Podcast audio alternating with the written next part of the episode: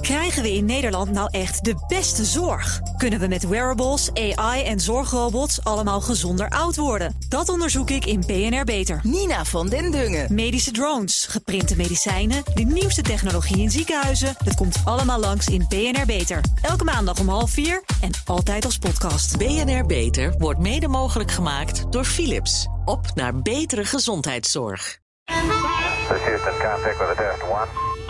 Touchdown confirmed. Hi, everybody. This is Space Cowboys, and we're having another of our uh, bi weekly episodes. Uh, with me in the studio is Yuri Nortier. Hi. Hi, Herbert.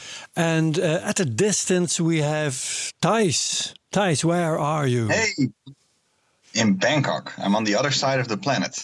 That's a very good Compared idea. to you guys. yes. I'm on Just- the same side of Bangkok. but yeah. Yeah. So you're just uh, And- finding out what's what's on the other side of the planet. Yeah, and uh, actually, uh, I love uh, always traveling closer to the equator because you can see the Milky Way, Milky Way so much better. You can look into the core of the Milky Way so much better than um, when you're in the northern hemisphere. Yeah. Uh, so I've been, uh, I've been, I've been really d- d- d- um, uh, doing a lot of night photography here, and uh, it's it- it's it's been great. I always love it. In order to see uh, some serious stars, uh, do you have to go outside Bangkok, or is the sky uh, Yeah. is is the air clean enough uh, within Bangkok to see the stars? Really? Oh no, it's a metropolis, all right. So Yeah. uh, Jupiter is, is shining really uh, brightly, and I can see Saturn. Not not really. Like I know where it is. I was on a uh, at a rooftop bar, and I could see it. But um, luckily, I've been traveling around a lot. So Yeah. I've also been on. Uh, uh, I took a week of vacation. I'm here for work, uh, but. Um, uh, I took a week of vacation as well to one of the islands, and that was just stunning. so, uh, and I've been to the uh, to the jungle in Cambodia, and over there it yeah there's basically no light so perfect dark skies all around yeah it is rainy season though so um All the clouds. uh, here in Southeast Asia. So yeah, a lot of clouds. I had to be lucky for a few nights. It wasn't like um, like I could I could party with my photo photo camera every night, but uh, yeah, it, it, at, at, at- at least when I do do see it, when I do see the night sky, it's it's it's definitely a different night sky than than home. Yeah, yeah. Um, I'll tell you guys a little story. Um, back in about 1990, I think, I interviewed Kees de Jager, famous Dutch astronomer. He's still alive. He should be um, about uh, 90, maybe uh, close to 100 years right now. But uh, back then, uh, de Jager told me that uh, during the th- Second World War, he used to travel by bike from the the city of The Hague in the Netherlands to Utrecht, another big city in the Netherlands, and he could see uh, each city had its own separate uh, dome of light around it. All right. and during the years, he has seen these domes of light of the Dutch cities grow toward one another until they really? melted together. And right now, uh, myself, I live in the Dutch countryside, which shou- should have no dome of light at all. But nowadays, um, on, on summer nights, when I look up and when it starts to get dark, I can see, well, maybe 10 or 20 stars at most. In, in, in Of course, Holland, where you live, and I know you live you live two hours outside of Amsterdam. Yeah. Um, on the freaking Yeah. countryside. I mean, uh, it should, should be dark there, but we we hardly so see sad. any stars ever anymore. Okay, looking at stars it's true. in in uh, the Netherlands is a history. yeah, it's, Yeah, and it's silence, so sad Silence. and- yeah, it's it's um uh it's it's uh, especially in the Netherlands and Belgium, it's it's really bad. It's it's it's like as bad as basically the big metropolises a- anywhere in the world. But I believe we are some of the most light polluted. We are the most poli- light polluted part of Europe, I do think so. Yeah. and uh, Yeah, you yeah, should- I, I think. Uh, hmm No, i- i- if you uh, sometimes you can look out, out outside of the uh, ISS. They have this high def- def- definition camera uh, aimed towards the Earth, and sometimes you see it passing over the Netherlands and Belgium uh, at night, and then you can clearly see where Netherlands, where the border starts and where the border ends, because there's so much light coming from the ground up into space. It's so easily discernible. Yeah, people having uh, um, uh, artificial light in their gardens and whatnot. It's everywhere, and especially Yeah. the western part of the Netherlands, where you have all the greenhouses. I mean, it just lights up like a They do. it's Yeah, like a I know. second sun. I, li- I lived between them for some time. okay, um, let's get to it, g- There is guys. well, one, one thing about that. Yeah. One thing about that, though, uh, for for those who are getting too depressed, um, the uh, uh, there is nowadays um, there are official international dark sky parks. Um, there is the International Dark Sky Association, even, uh, who designates certain parks as dark sky parks. And um, I, they have a website, and they're they're all on there. Uh, but if you ever get the chance and you do want to do some stargazing, there are some organizations now working on on, on getting skies dark again. So, um, uh, because it is an actual issue, uh, especially Yeah. for people who love to. Sounds like a good days, of course. subject to Yeah. devote a whole Space Cowboys episode to, right? Oh, yeah, of course, yes, yeah. Yeah. I, I, I visited one once. Uh, I, I, I could not believe my eyes. Yeah, I couldn't believe my eyes. I didn't know there was that many stars. And, and looking uh, uh, around ourselves uh, from the Netherlands, where would the closest dark sky park be? Well, if you How far do I have introduce uh, the next the next topic, then then I will uh, then I will I will look it up because in Europe, I I think actually it might be in Romania. Well, no, that's where I visited one. I think. I think somewhere up north there should be there should be some. Oh, okay, in okay, Europe, I'm not sure, but It's going to take, uh, take us some travel time. I'm, I'm not going to leave you alone Yeah. right now because I wanted to, uh, to start our uh, space news uh, um, item with you because Mm-hmm. you're far away, you're in a foreign country. Um, I suppose you have some interesting space stuff to tell us about from where you are. I, I, I do actually, um, I, and it's it's uh, actually we're going to devote a whole episode on this uh, uh, in two weeks, I think, um, about uh, the, the company Satelligence.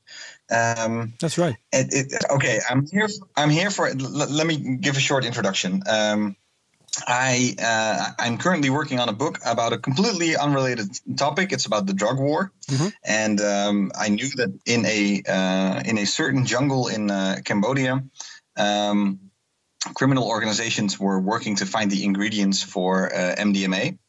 And um, this part of my book that I'm writing is sort of about the uh, the envi- environmental damages uh, that the um, uh, illegalization of drugs, that are un- the fact that they're unregulated uh, and, and uncontrollable, uh, which environmental damage this causes. Uh, and I knew this this story um, in the Cambodian jungle because there were two ingredients. Sometimes they go in and they, they they find saffron oil, and another thing is yellow vine. And I just wanted to see those plants and, and understand what was going on over there.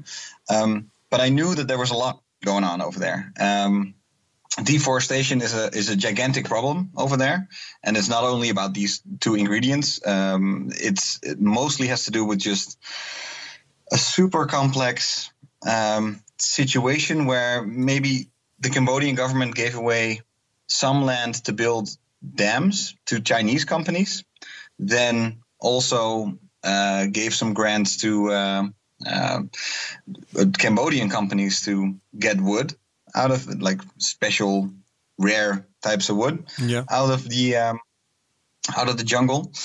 This caused a whole lot of uh, land workers to move there, and after the job was done, they didn't want to go anywhere. They just kind of wanted to stay. Combine that with endemic corruption in the area as well, or in in, in Cambodia in, in general, and you have this toxic mix in which large part of this one of the last wildernesses of uh, Southeast Asia is being quickly deforested. So um, I knew I was gonna encounter some, and that it would not al- always be safe for me to, to travel around there. So I knew that Satelligence, um, yeah, uh, I knew that Satelligence um, had had a way to basically what they do is they they scan public data, uh, public satellite imagery, and I don't know they re- they wrote a couple of really smart um, Algorithms. um, algorithms for this. Yeah, algorithms that would then scan almost on a daily basis where de- deforestation was taking place. So I, I contacted uh, Niels Wielaard from uh, from uh, Satelligence, um, to ask him, like actually right before right before I went in, it's like, hey, so do I understand correctly that you can now tell me um, like where this is taking place and where I need to go to look for for any sort of like environmental damage and also to know where these groups would be active or where these companies actually would be active. And literally within a couple of hours, it was amazing. He sent me these maps. He, he, he said, well, basically just give me a couple of locations and I'll, I'll, I'll, take a look. Within a few hours, he sent me these maps of the places I was going. And um, he had almost like color coded pixels, more or less.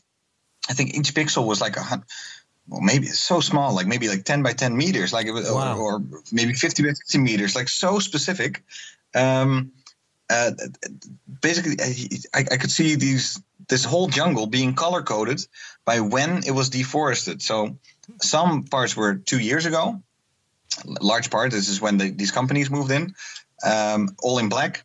And then last year was red, uh, an orangey, and then he basically said really recent was yellow. And so there were a bunch of, like a lot of yellow spots on there, um, close to the place I was staying at. And I really wanted to check out, like, one, is this is this thing working that he's saying? And second, like, what will I encounter over there? And yeah. um, well, the good, the good, news for him is, well, the system works. Yeah, the system works really, really well. And the, the bad, bad, news, news is, for you is um, you were yeah. very welcome there. Uh, well, uh, I, I, luckily I didn't encounter anyone, so um, I, I, I, did. I did hear it. No, the bad news was that I saw like a, a, a destroyed forest. Sure, it was so sad to see. Yeah. Um, uh, that, that, in the end, I, we we we, we uh, I encountered some. Uh, I had a really great translator with me, and uh, we did encounter some forest police who are patrolling there um, to counter it. But I I never really grasped. It. I mean, they, they have good intentions, but it seemed like they will always go anywhere like after the fact instead of yeah. uh, being able to actively um, yeah fight it as it happened or before it happened. Um, so we asked around, and, and, and there's a couple of NGOs also active in the area. None of which who want to speak on the record actually, because they're all afraid that they will be kicked out. So they can do something with the local population, but going on the record about corruption over there is is dangerous for them. Yeah. Um, what happens nowadays? I mean, let's first see. Let's first say what, what I saw. You you would I would come in because of Niels Wielaard's Satelligence's maps.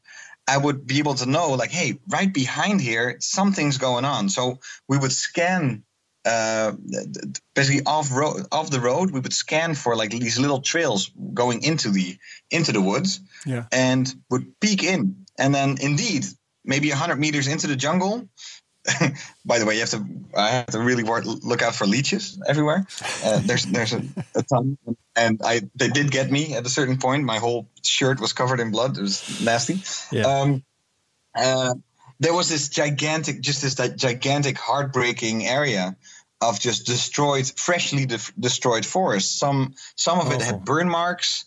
Um, uh, some uh, trees were cut down, but sort of like cut open.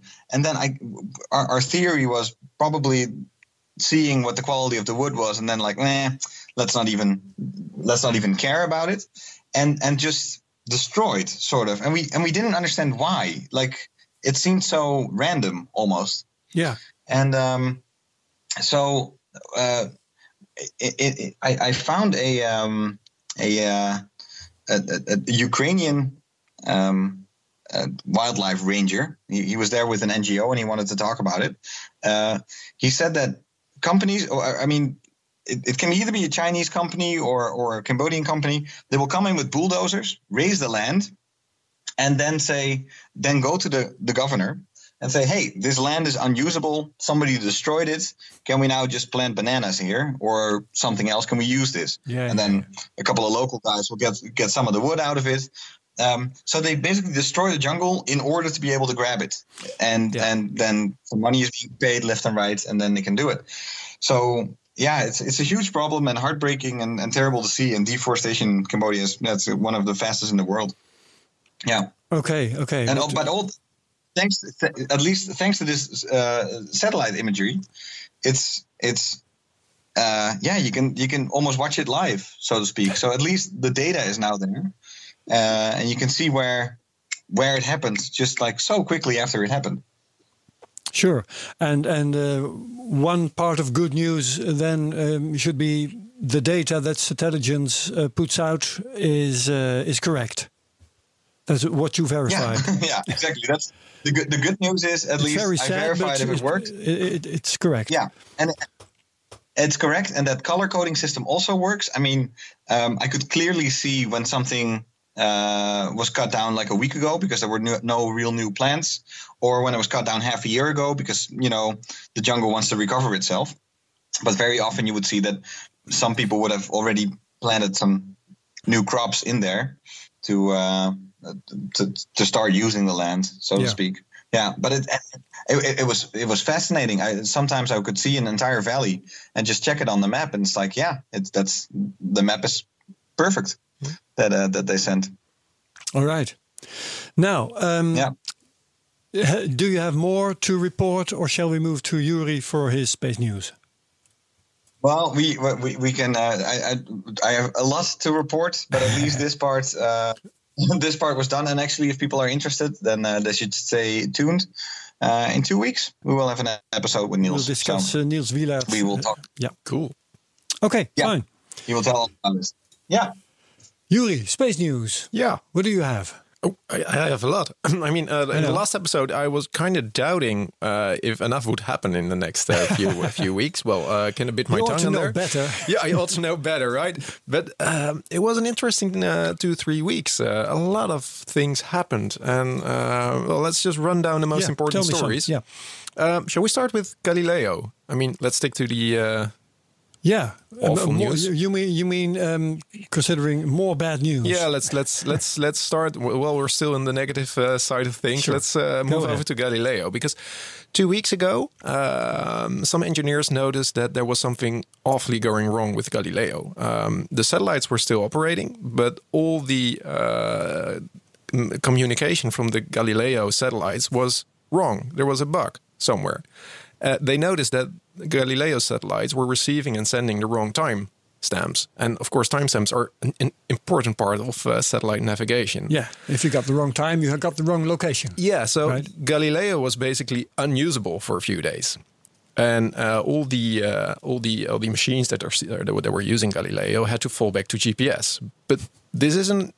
It was a really weird situation where just an entire uh, satellite navigation uh, constellation was just out of the air for a few days. Yeah, and and it's ironic because the whole point of Galileo is to no longer need GPS. Exactly. It Exactly. being American and all that. Yeah.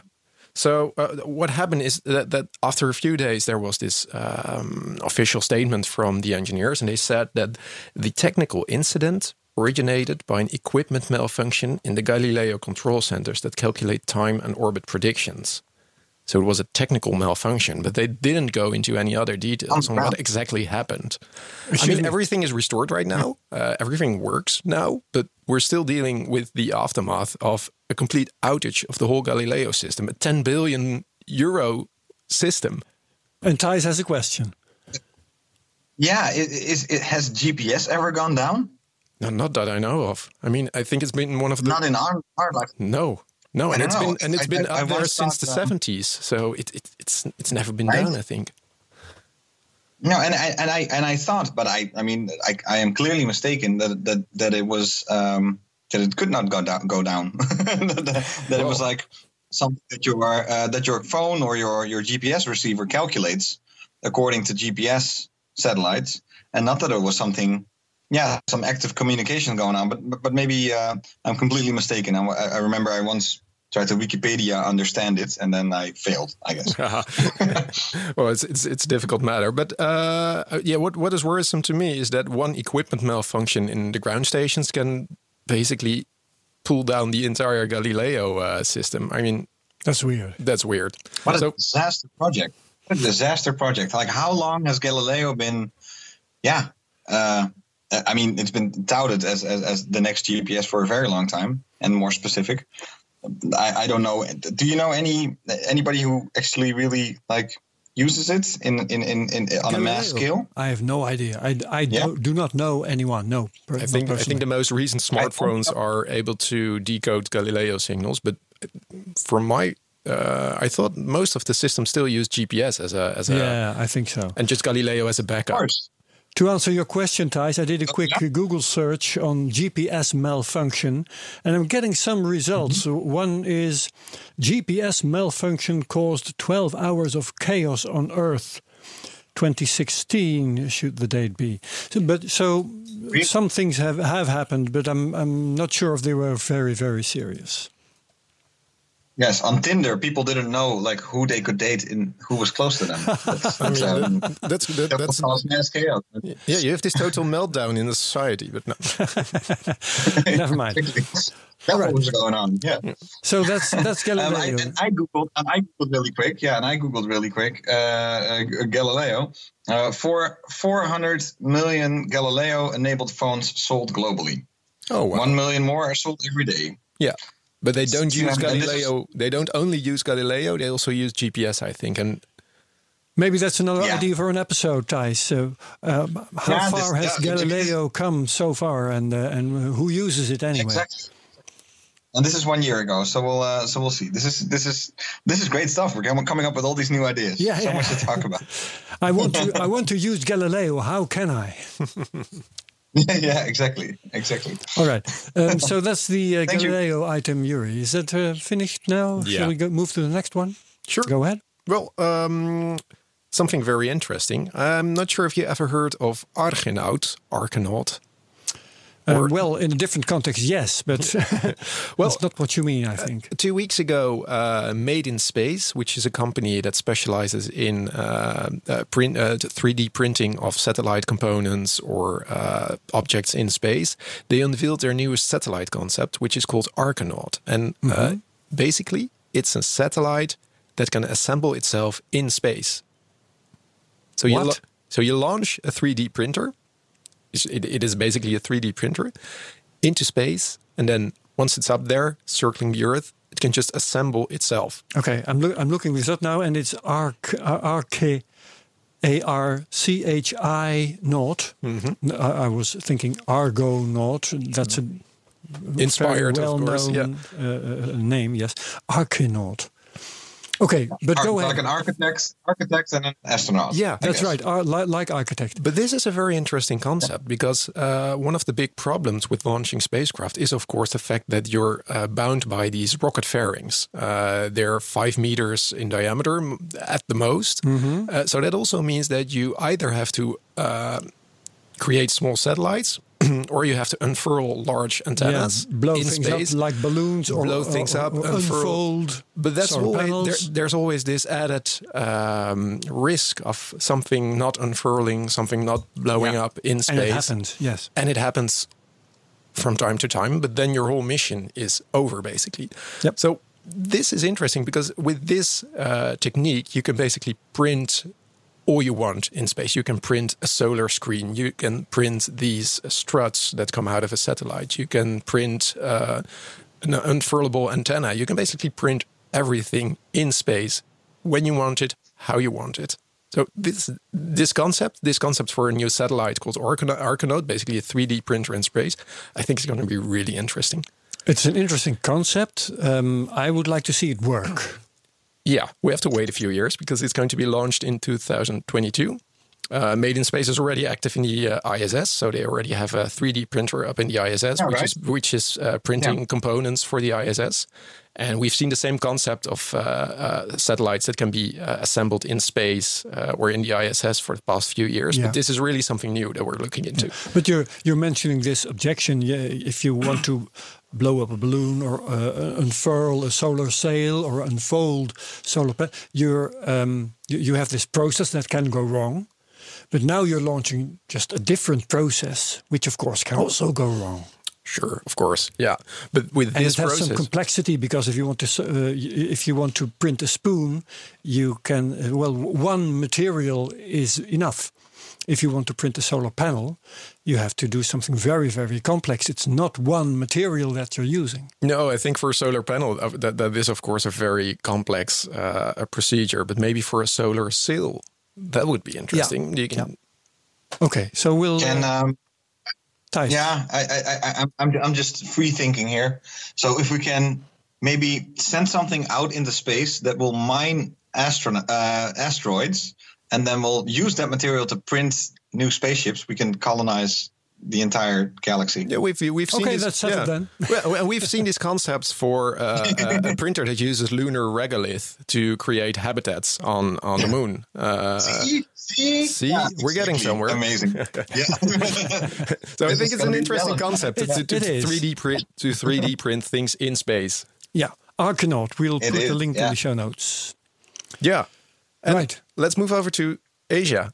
Asia. What's going on? Well, Thijs is there. Oh, Thijs is there. yes, yes. What about, what about Asia right yeah.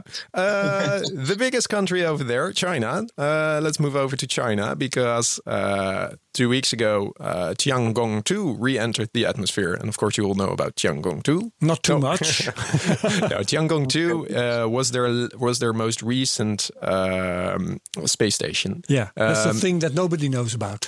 yeah, so China, China is of course uh, very busy uh, in space. Not only with sending uh, interplanetary probes or uh, discovering the solar system, they also have Moonlanders, moon landers. They also have this active uh, manned space program. So they're sending astro- astronauts into space, but they're also working on a space station, a bit like Mir. It's a modular space station. They plan to launch the first. Uh, First modules into space somewhere next year, depending on how their Chang'e 5 rocket is progressing. They had some problems with that. yeah, you uh, reported on that um, yeah. uh, four weeks ago. yeah, yeah, Yeah. exactly. And um, before they were able to create these modules for their uh, Chinese modular space station, they did some tests with smaller space stations. So back in 2011, they launched Tiangong 1, which was basically a, uh, a very small space station, not bigger than a bus or something. Okay, Um, large A bit like the Russian Soyuz uh, space stations that were Yeah. launched in uh, the 70s. Uh, Okay. They're basically copying the Russian uh, space station program.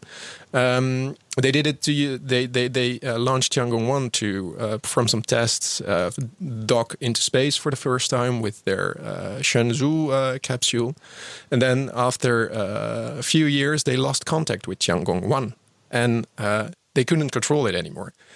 And it's actually quite a big space station. I mean, it's a bus. It's still up there? No. Okay. so they lost contact with it, but it was uh, uh, coming back to Earth. So it was about to re-enter, and they couldn't control it. So they couldn't control where it would actually re-enter All right. in the atmosphere. So it might have well been that it would re-enter right above Africa Buenos or Aires Asia, or something. and that some parts of the uh, Tiangong One space station would fall back to Earth and actually hit someone. I mean, the chances Hmm. of it are were, were, were very small, uh, one in a million or something. But so it it it was possible, They're never zero. Yeah. and it was a bit of a shameful period for the Chinese uh, manned space uh, program because they lost control of one of their yeah, it's embarrassing. it's embarrassing to, to lose control over your, one of your most important projects, the Tiangong 1 space station. And they were lucky. It re entered right above the uh, Pacific Ocean, where actually no one was. So they escaped some small uh, or disaster. But Yeah. two years after that, they- or back in 2016, they launched Tiangong 2, which was an upgraded version of the uh, space station. And they also did it to uh, experiment with uh, long duration crews. So they sent up two astronauts that stayed there for uh, 30 days, which is quite a long time. The first time they did something like this. They launched a resupply vessel as a test to see if they could dock with the space station and if they could transfer uh, oxygen, water, propellants, things like that from one module to another module. And then they just left it in space to see how it would wear in space. And it, wa- it, it was up there for two years. Not much happened. Empty. Empty. No new uh, crews. And then they decided to re enter it. And this time, controlled re entry. Of course, they wanted to prove that they could do that. So the time was there a few weeks ago, and uh, they re entered it uh, uh, right above the Pacific Ocean, where no one is, of course. Sure. And everything went fine. And they also were able to uh, gather some knowledge on uh, re-entry physics and uh, how their space station would wear and tear when it was entering the uh, uh, outermost parts of the uh, of the atmosphere. So. Next, next up is Tianhe, which is the first module for their Mir-like space station, and I think we have to wait two years before it's launched. And that's going to be an interesting project because they're also inviting uh, international astronauts to uh, join they them. do? Yeah. Wow, I thought they were so secretive. In, no, in no, China. no, no, no, uh, they are actively uh, working along with uh, ESA. Do you hear that, Uh, Thijs? We can apply now. Yeah, Really? Yeah. I'm, I'm so blown away by this. It, it, it, you call it secretive, and I'm, I'm just like, am I not paying attention or anything? It's like, I, have I not been paying attention? No, It's to be honest, to be honest, I mean, it's the, mind-blowing to me. the Chinese space program is quite secretive, but they're really open for Chinese, uh, from a Chinese point of view, yeah. for Chinese standards, uh, into their uh, into their manned space program. So yeah, they are really actively working on this new uh, modular space station. They are inviting uh, uh, international astronauts to join them in, in missions to this uh, space station, Yeah. and it's basically and it's going to be up there for about ten years, starting in 2000. 21 2022 and it's going to be enhanced with uh, more modules so you have this well, the- the- this this this big space station up there it's not like the ISS uh, it's, it, it is smaller but it is going to be something worth looking Yeah. out for Yeah. And um, Thijs, Yeah, in, in your voice, I hear the same surprise that, that I'm experiencing.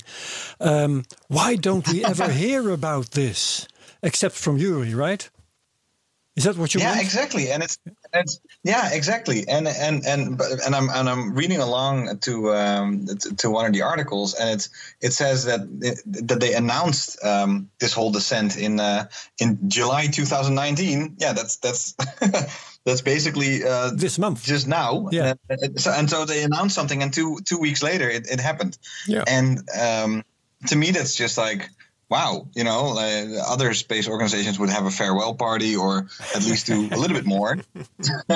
but uh, um, yeah, it, it- and and that it, and that the, an unmanned space station was also um, circling the Earth for so many years. Um, also. I mean, short, but still, like I had no clue. I had no clue. Yeah. It's kind of this kind of ties into to, to, to one of the topics I also want to talk about today. So, um, yeah don't, Uh, don't uh, us- but- but- don't- but- yeah don't underestimate the Chinese their their space program No, is no. progressing blazingly fast Yeah.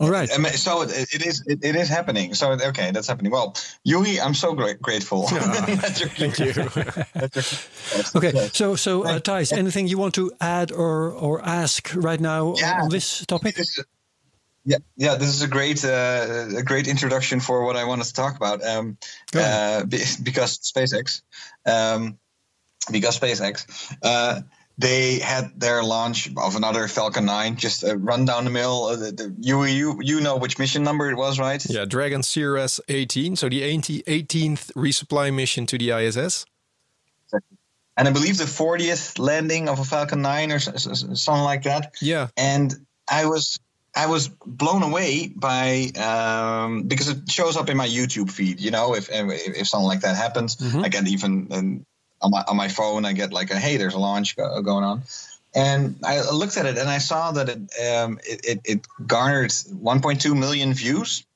and I was just so amazed by why why does actually the 40th launch of just just the Falcon 9 like I was becoming so blasé about it why does it get so many views? Like uh, 1.2 and then I saw that uh, Elon Musk tweeted tweeted something about um, uh, more like close-up shots and the fact that the when it re re-entered it went through the sound barrier twice which was quite spectacular.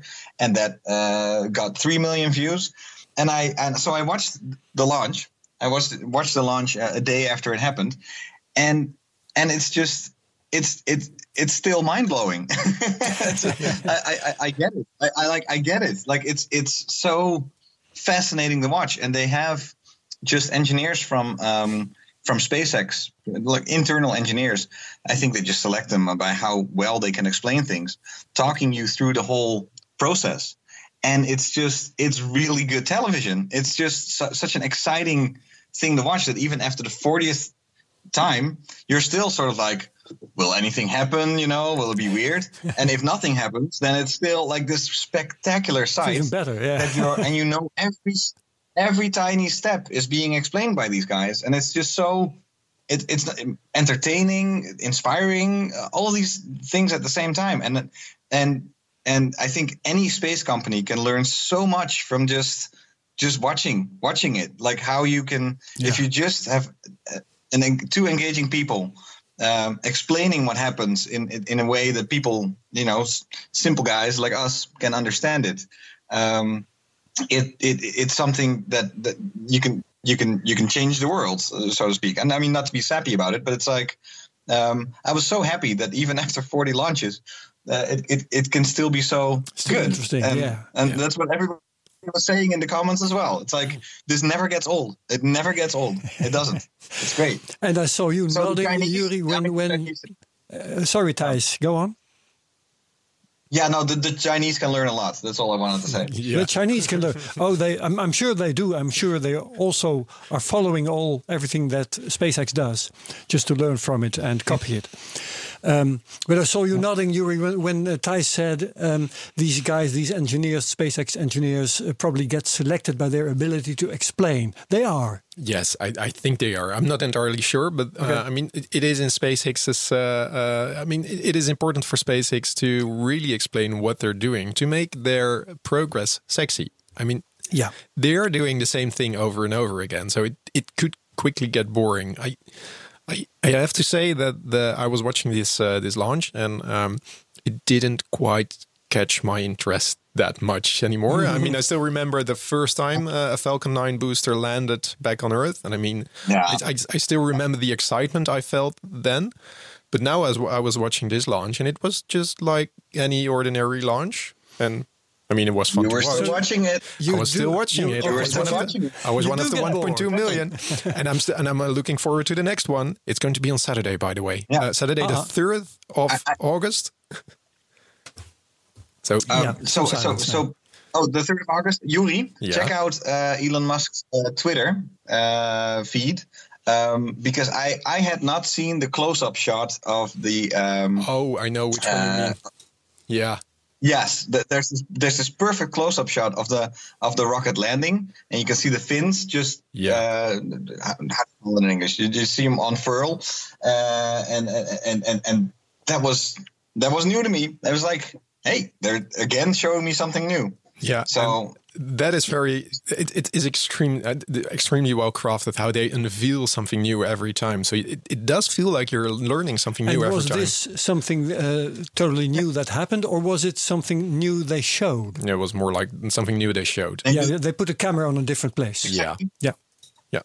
yeah, they did, they had a perfectly tracking camera, so you could you would have this perfect close-up shot of the rocket landing. So the wide the wide shot, the the the the, the, the on board sort of GoPro action camera that looks down. You know, you you could see from four angles at the same time, and one was like a an extreme close-up of the rocket itself. And while we're at it, SpaceX, um, did you also watch the Starship Hopper test?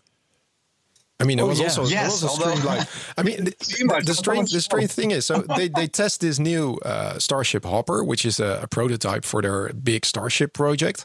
Uh, they test it with a short hop, few meters up in the air, and everyone goes berserk when this happens. It, it was it was a fun Yeah, that's the video because Yes. what what what happened was uh, they counted down, and there was lots of fire and smoke, Everywhere, yeah. and you couldn't see anything. And then the smoke Exactly. cleared, and this stupid rocket was standing in a different place. and that's all you could see. But still, everyone was extremely excited about what happened. Yes, I was. But by the way, I turned this Yeah. into a headline for our show notes. I put, uh, I I created the headline: "A small hop for a starship." Dot dot dot. really proud of that one. Good one, good one. Yeah. I, I tried to get excited about it. It was just too much smoke. I was like, I'm not really sure what I'm. that, but you know, Smoke and mirrors, Thijs. Looks Smoke and mirrors. But the, yeah, I, exactly, exactly. I was really very happy Yeah, when, wanna when I saw the smoke clear and uh, and saw the rocket standing in a different place. I mean, this doesn't happen by itself, you know.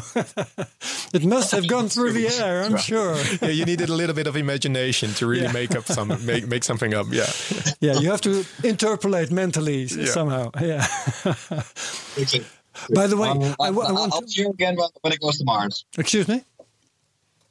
Oh, I'll cheer again when it goes to Mars. Yeah, yeah, yeah, yeah. I'm, I'm sure you will. Um, I, I want to uh, uh, move to something that I, I would like to uh, to bring into the conversation, um, because when we were talking about the uh, the camera added by SpaceX to reveal a different uh, part of the process of uh, well everything they do, it made me think of a documentary I saw this just the other day. Uh, documentary that is not very new. It's called Chasing the Moon and I believe it appeared this year. It's not on Netflix, but it was uh, broadcast by the Dutch television, and it's still on their web- website. And I'm creating a link in the show notes for everybody. Uh, Chasing the Moon, and one of the things I saw in well, uh, I saw the first two episodes uh, and no more so far. But in the second episode, I believe uh, there was this uh, TV guy explaining how uh, during the space project uh, of the 60s, the Apollo project and everything, Mercury, Gemini, uh, they managed to uh, in- incorporate in their in their TV work ever newer um, TV technology besides the, the the space technology, of course. So they uh, they moved from not having any visuals at all, really, uh, to uh, creating animations and to uh, putting cameras here and there by, uh, during launches, uh, adding uh, color cameras at a particular point in time. So it was very fascinating to hear somebody talk about the development of TV technology in parallel to space technology. It was really fun to uh, hear about this and, and, and also see the results of that. So th- th- this moon program was also a driver into in in in, in uh, innovation in TV uh, technology. Perhaps, uh, yeah. but at, at least they were able to uh, to use uh, the the innovations that maybe would have come anyway oh, cool. uh, to mm, show ever different and new um, uh, parts of the space process, just like just like is happening now uh, with SpaceX. Cool, cool. Yeah, yeah, exactly. Well, I see. I think. Uh, I wonder if you put a link in the show notes, if everybody will be able to see it because of geo blocking. Uh, Um, I, perhaps I see that In- yes, Abroad, maybe not, but in Holland they will. yeah, exactly. And otherwise, you can uh, Google for it. I think PBS has it for our American Okay, uh, listeners. yes, so I've, I've, I've been looking, but Netflix doesn't have it. Th- that I'm sure. No, no, but it's uh, it's streaming on PBS.org. PBS, pbs.org. Okay, that's fine. Great. Um, so who has another item? You you must have a Chandrayaan. Yeah. Chandrayaan 2. I think I think I also uh, briefly Yes. touched upon Chandrayaan in uh, a previous episode. Yeah, four Um, weeks ago you told me they yeah. were going to launch. Yeah, so Tran- Chandrayaan is India's newest moon probe. Um, it's uh, a moon orbiter, uh, but it's also a moon lander and a moon rover. So a complete stack. It's a Swiss Army knife. It's a Swiss Army knife, and it also has uh, an enormous amount of scientific uh, uh, equipment uh, on board. So it's going to map the entire moon. It's going to uh, see what the moon is actually made of. So the lander has a the lander and the rover have a spectrometer. Uh, they can measure what kind of um, uh, minerals there are, if there's water ice available, Any um, cheese. what the radiation is, uh, anything, really anything they can do with it. And they were going to launch it on the 14th of July, and then they ran into a problem just before countdown. Um, a leak somewhere. And in uh, Apollo 11 uh, style, uh, they uh, tightened some bolts. Uh, they fixed, some. the, they, they fixed the leak. It, plumbing, took, a, it yeah. took a few days. They didn't do it on the on the on the launch pad itself, but they tightened some bolts. The leak was fixed, and then a week later they were able to launch it, and everything went flawless. Everything went even better than expected because the rocket had an overperformance. So they were able to ditch one of the uh, extra burns they had to do to reach the moon. I mean, the rocket overperformed. Uh, that's Okay. not something that you see So they quite have fuel often. to spare now. They have extra fuel to spare. They have about 40 kilograms of extra fuel to spare, and that'll increase the lifetime of the orbiter.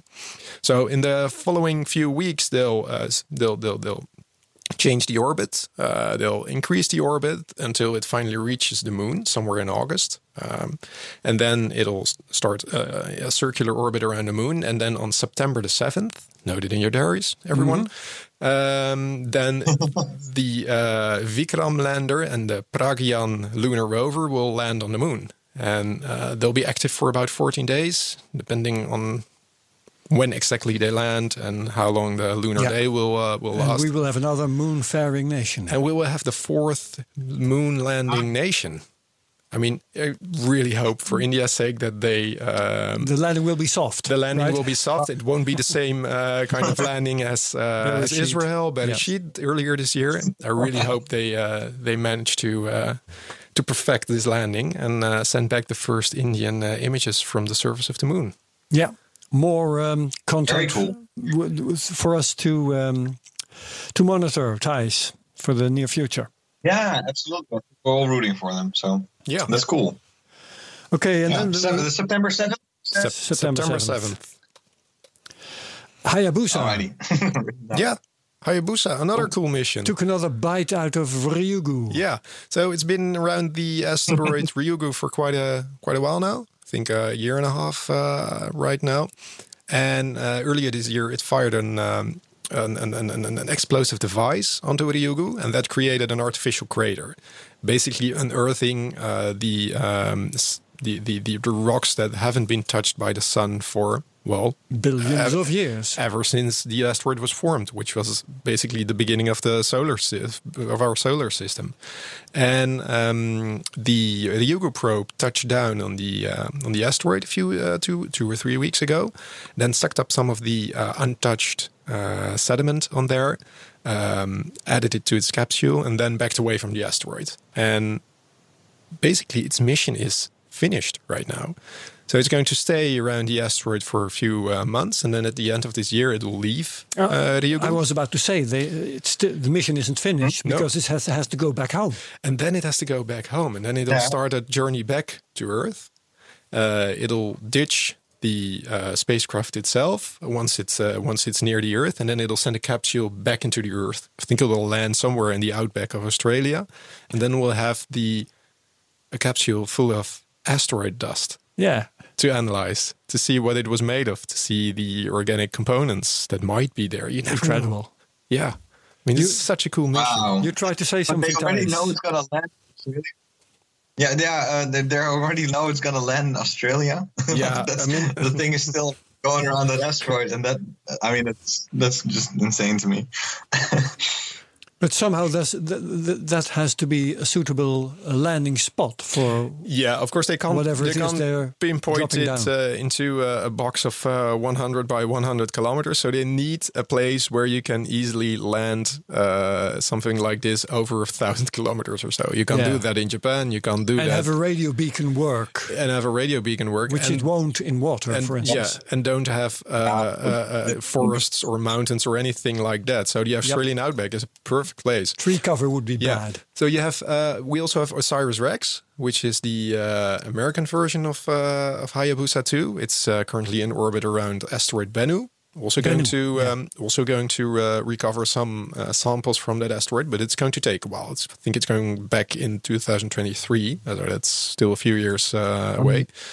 And it's also going to land somewhere, I think, in New, New New Mexico or Arizona, where there's a lot of space, where you won't be in danger of hitting anyone. Yeah. Yeah. It will be interesting to compare the two. The Yeah. two asteroids. Oh, yeah. The- The- do yeah, we the actually asteroids- know a little bit about them and the Yeah, other they're one? both the same kind of asteroids. They're C-type asteroids or carbonaceous asteroids, so mainly composed of carbon. Uh, and um, I think we, we've visited these kinds of asteroids before, uh, but still we haven't really had the opportunity to bring back any material from these asteroids. Uh, Hayabusa 1 tried to do it 10 years ago. But it was a mission that was marred by a lot of technical difficulties, and it was only able to capture a few specks of dust from the asteroid. So they were able to analyze something, wow. but it wasn't enough to really get an idea of what such an asteroid consists of. And um, up to from, from my understanding, I think these are there aren't any other uh, uh, asteroids missions planned to return back to Earth. I Okay. mean, we have a lot of other So asteroid this missions planned for the for some future. time. Yeah, but still, it's it's it'll, it'll be interesting to see uh, what the results are of these uh, two missions. Yeah. Yeah, Um, very cool. I believe uh, my bucket of uh, of news items is empty now.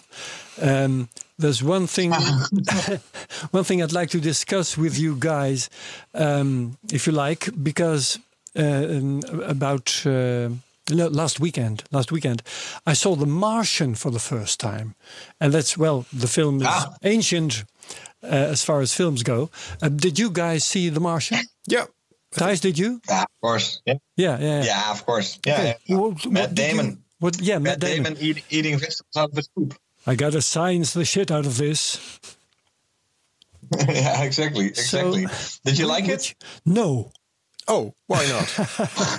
I wasn't expecting this answer. What? Do you, what Oh, do you- I had many, many. Well, for instance, this this one line, I gotta science the shit. Can you imagine a real astronaut saying that? no, I mean, I mean, That's right. They're usually It's not about reality, Herbert. What? That's not what it's about.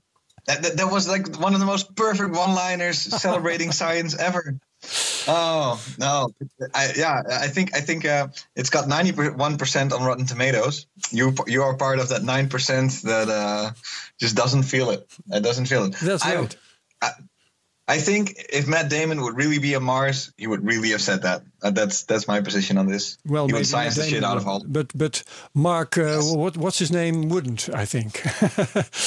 and well, there were there were many more things. Um, for instance, another very clear uh, uh, example is this uh, this final scene where he. Um, punctures his spacesuit and g- goes out flying like a like a stray balloon and somehow ends up exactly in the right place where somebody can catch him that's it's physically i mean i'm a physicist that that's my uh, my um uh the, what's the reverse of blessings? My curse, of course. and I know that this couldn't gotta- possibly work in so many ways. Yeah, I'm- it's I'm- so ridiculous. I'm a simpler guy. I don't see these not why uh, you watch things. what do you say, Thijs? But well, point one, yeah, that's not why you watch movies to see like an actor, accurate description of reality, but more, you know, No, no, no. a compelling story. But you, you have to see it in the tradition of all the Mars movies that came before it. All the Mars mo- movies that came before Which it. all the Mars movies that came before it were complete ridiculous nonsense. Are you referring to Mars attacks? yeah, exactly. exactly. Nine from Uh, outer I'm sorry. space. That, that, that- no, sorry. Nine. That one was scientific. I uh, sorry. That was scientific. Um, um, but uh, uh, no, uh, uh, this movie is from 2015, and Yeah, a couple uh, years ago, just a couple came years. Together, yeah. Uh, together with Interstellar and together with uh, what's the one with uh, Sandra Bullock? Gravity. Um, Gravity.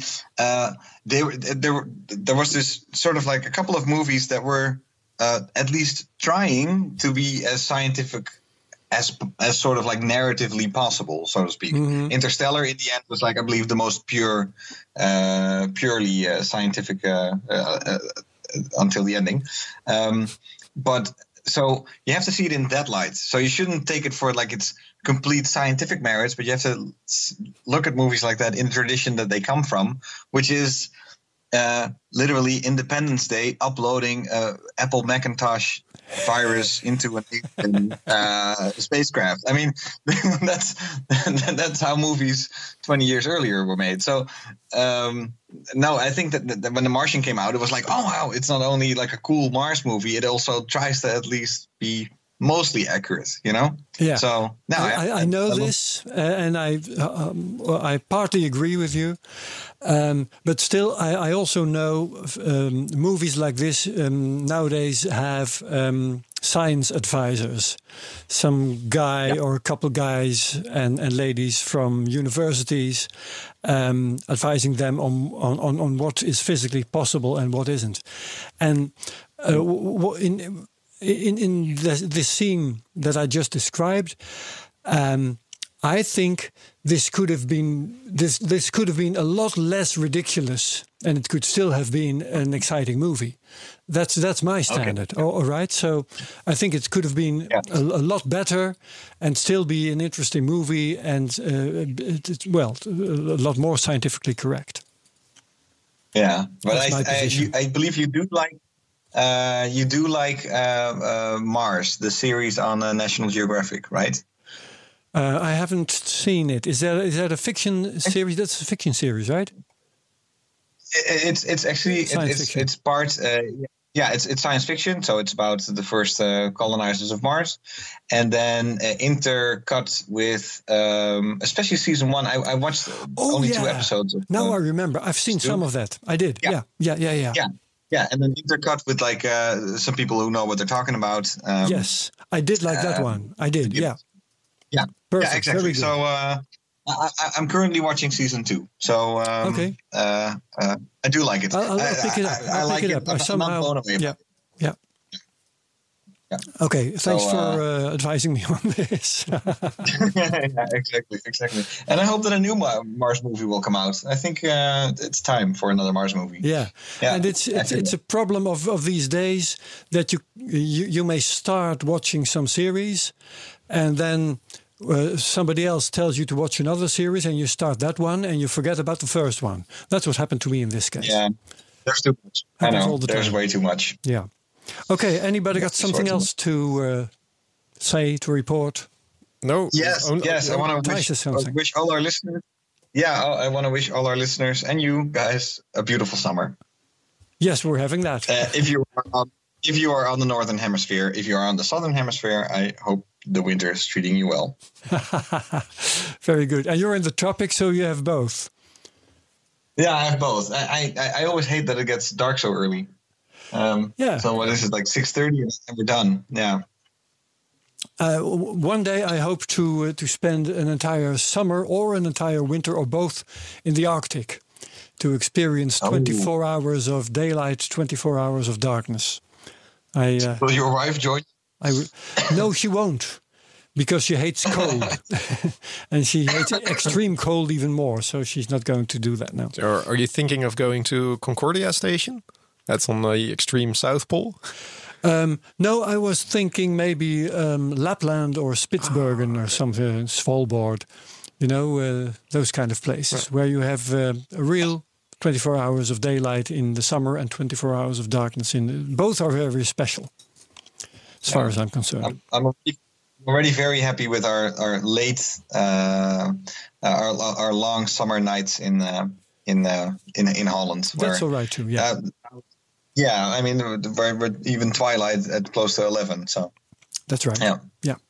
Okay. always love it. Well, Thijs, um, I Hey, hope you have a nice thank you stay in in Asia. You're moving from one country to another, aren't you?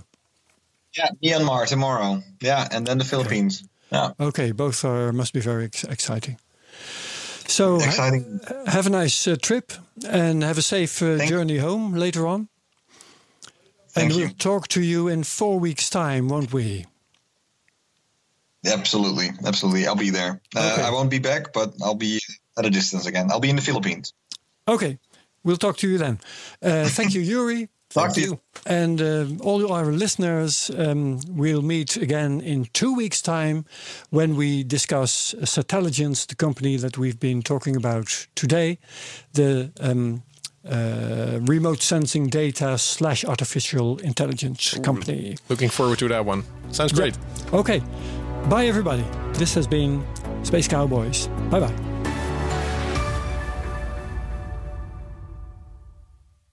Krijgen we in Nederland nou echt de beste zorg? Kunnen we met wearables, AI en zorgrobots allemaal gezonder oud worden? Dat onderzoek ik in BNR Beter. Nina van den Dungen. Medische drones, geprinte medicijnen, de nieuwste technologie in ziekenhuizen. Het komt allemaal langs in BNR Beter. Elke maandag om half vier en altijd als podcast. BNR Beter wordt mede mogelijk gemaakt door Philips. Op naar betere gezondheidszorg.